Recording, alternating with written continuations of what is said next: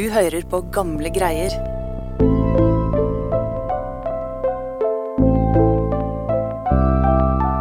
Året er 1759.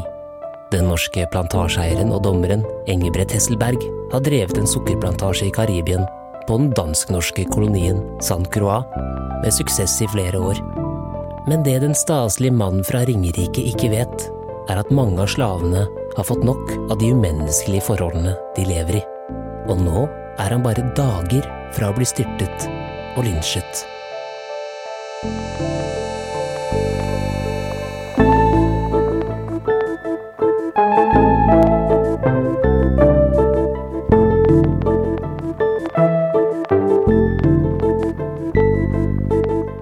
hører på Gamle greier, en historiepodkast fra Nasjonalbiblioteket.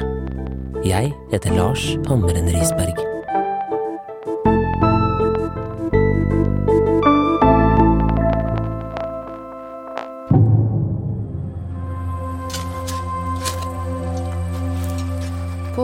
St. Croix i Karibien så kunne nordmannen Engelbrekt Hesselberg skue stolt utover sukkerplantasjen sin. Og den hadde han brukt de siste årene på å bygge opp. Live Fele Nilsen, historiker og journalist på Nasjonalbiblioteket. Og det var bare én av mange plantasjer på øya, hvor mange tusen slaver jobbet fra tidlig om morgenen til sent om kvelden med den stekende solen i ryggen.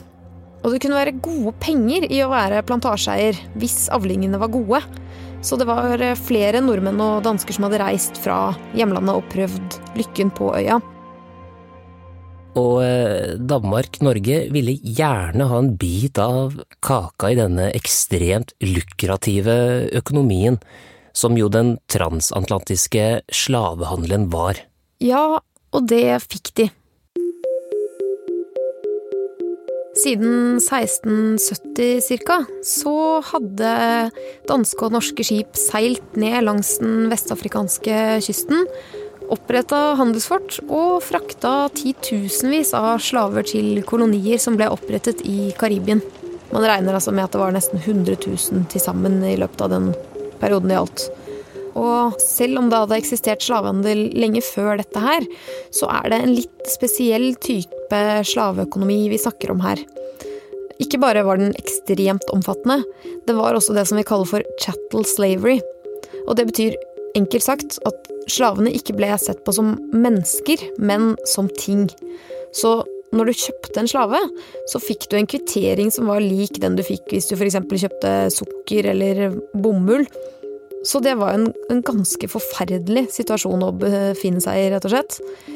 Og særlig da hvis du skulle jobbe på sukkermarkene, som var utrolig hardt arbeid. Og på den tiden da Hesselberg var på St. Croix, som da var den største av de tre dansk-norske koloniøyene, så var slavehandelen på sitt aller største.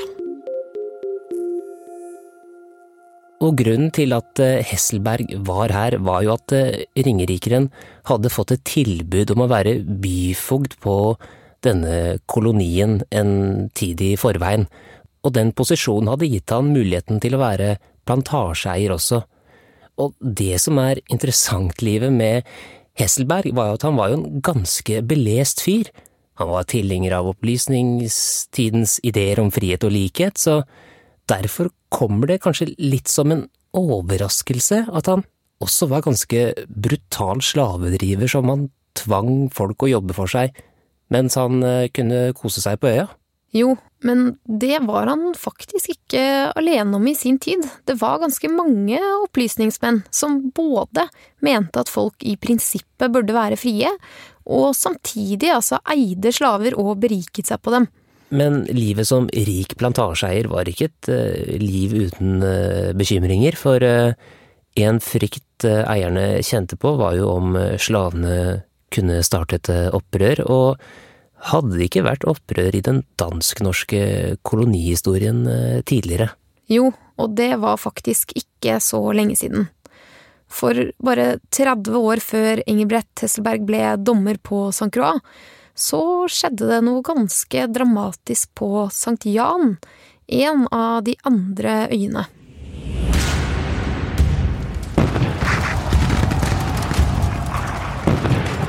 En dag samlet slavene seg og gikk til angrep på plantasjeeierne. Og alle ble drept. Og det førte til at eh, slavebefolkningen faktisk hadde kontroll over øya i fem måneder. Før myndighetene i København fikk hjelp av Frankrike til å ta kontrollen igjen. Og historiene om hva som hadde skjedd med plantasjeeierne, den var velkjent blant de som eh, drev plantasjer på St. Croix.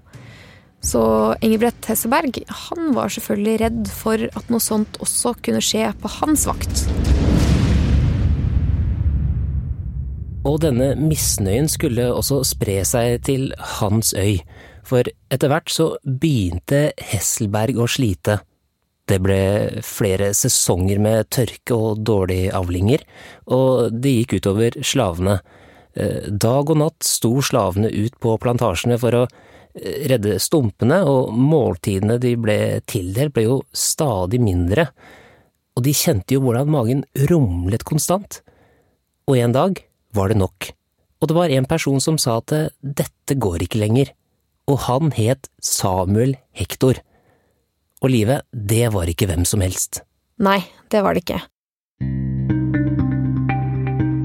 Samuel Hector var en godt voksen, stor og sterk mann som både kunne lese og skrive.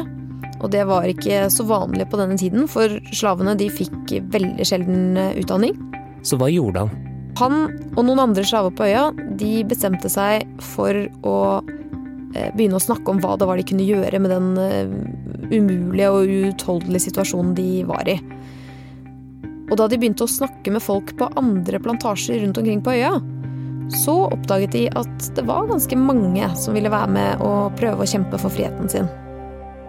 Men selv om slavene var i overtall på øya, så var jo ikke dette en lett oppgave for eh, Samuel Hektor. Nei, han visste at det kom til å bli vanskelig, og at det var stor risiko for å bli tatt. Og ikke bare det, det var jo også andre slaver som kunne finne på å tyste på dem. Så det kunne rett og slett være livsfarlig å røpe planene til feil person. For da kunne de fortelle det videre til myndighetene. Og da var det jo særlig én person da, som mange var redde for at skulle få vite om planene. Nemlig den brutale norske dommeren Hesselberg.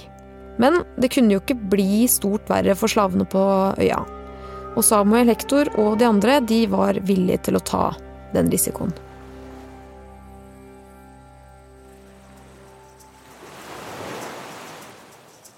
Samuel Hector skulle lede en stor gruppe som skulle storme festningsfortet på vestsiden av øya. Og det ville bli avgjørende for om opprøret ville bli vellykket eller en fiasko. For på festningen lå det store våpenlageret til danskene og nordmennene.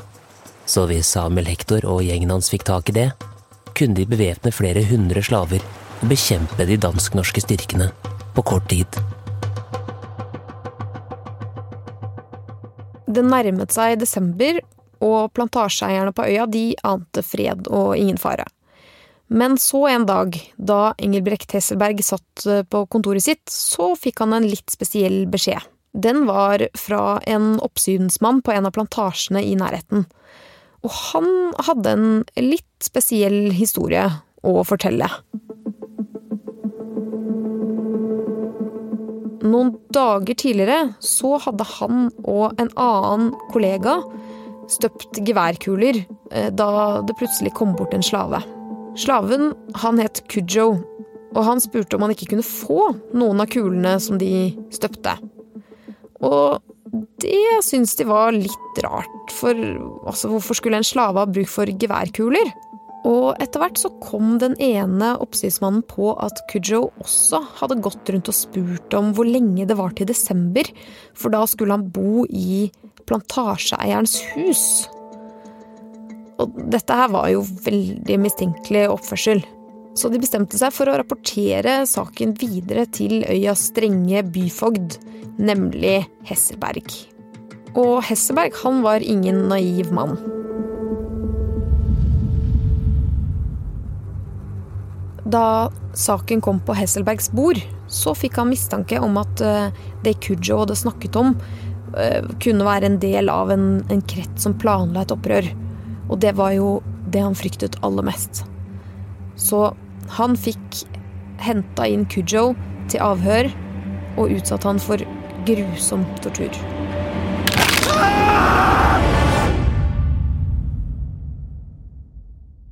Men Kujo han røpte ingenting. Likevel begynte det nå å brenne under beina på Samuel Hector og hans menn. Ja, de hadde fått dårlig tid på å få satt i gang dette opprøret. Og mens de stussa på hva som var riktig neste skritt, så ble broren til Kujo arrestert. Og han også ble utsatt for forferdelig tortur. Og i motsetning til Kujo så sprakk han. Og han fortalte alt han visste.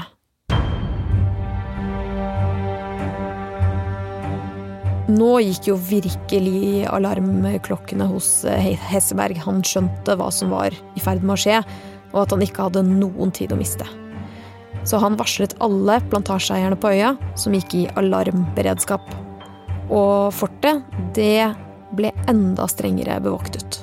Og han var overbevist om at Samuel Hector var en av lederne. Og for hver dag som gikk, så nærmet han seg Samuel Hector. Vi vet at Hesselberg og de andre torturerte 84 fanger. Og den torturen, den ga resultater. For nå satt man plutselig med et lappeteppe av informasjon. Og i det lappeteppet så var det ganske mye som pekte på at mesterhjernen bak planleggingen var Samuel Hector.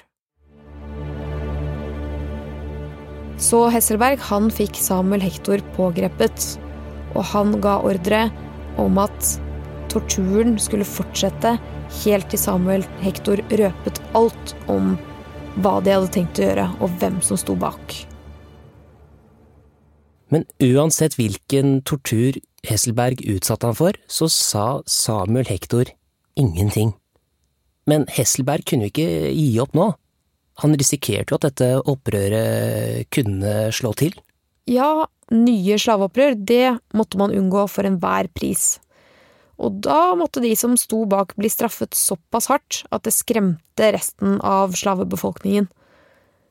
Og Hesselberg han var helt sikker på at det var Samuel Hector og et par andre som sto bak. Så Hesselberg, han bestemte seg rett og slett for å dømme likevel. Og straffene han ga, de var ikke tilfeldige.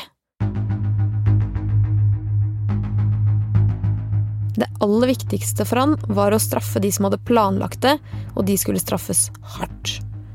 Men det var det etter hvert ganske mange som ble anklaget for.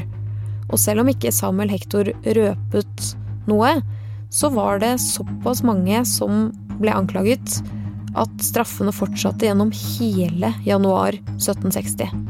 Og mange ble torturert og drept på mest forferdelige og bestialske vis.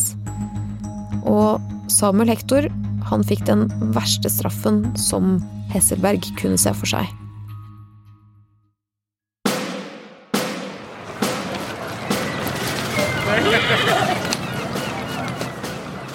I januar 1760 så samlet det seg folk på torget for å se på straffen. Og sammen med to andre opprørere så ble Samuel Hector slengt inn i et lite bur som et dyr, til spott og spe for alle som gikk forbi.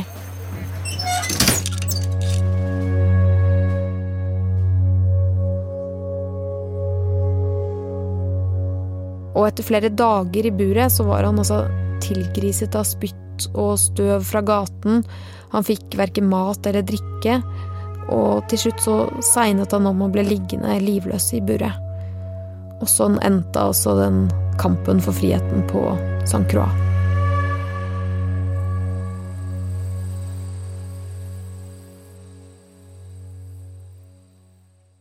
Man blir jo helt uvel av å tenke på den skjebnen Samuel Hector og de andre fikk.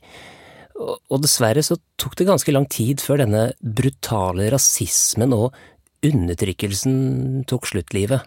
Ja, det var ingen av dem som levde på Samuel Hektors tid som fikk oppleve det. Da må de i så fall ha vært veldig, veldig unge. Eh, og Hesselberg, han gikk fri. Han fikk rett og slett ingen konsekvenser for akkurat dette. Og slavetiden, den fortsatte. Det var først nesten 100 år senere at slaveriet ble avskaffet i dansk Vest-India i året 1848.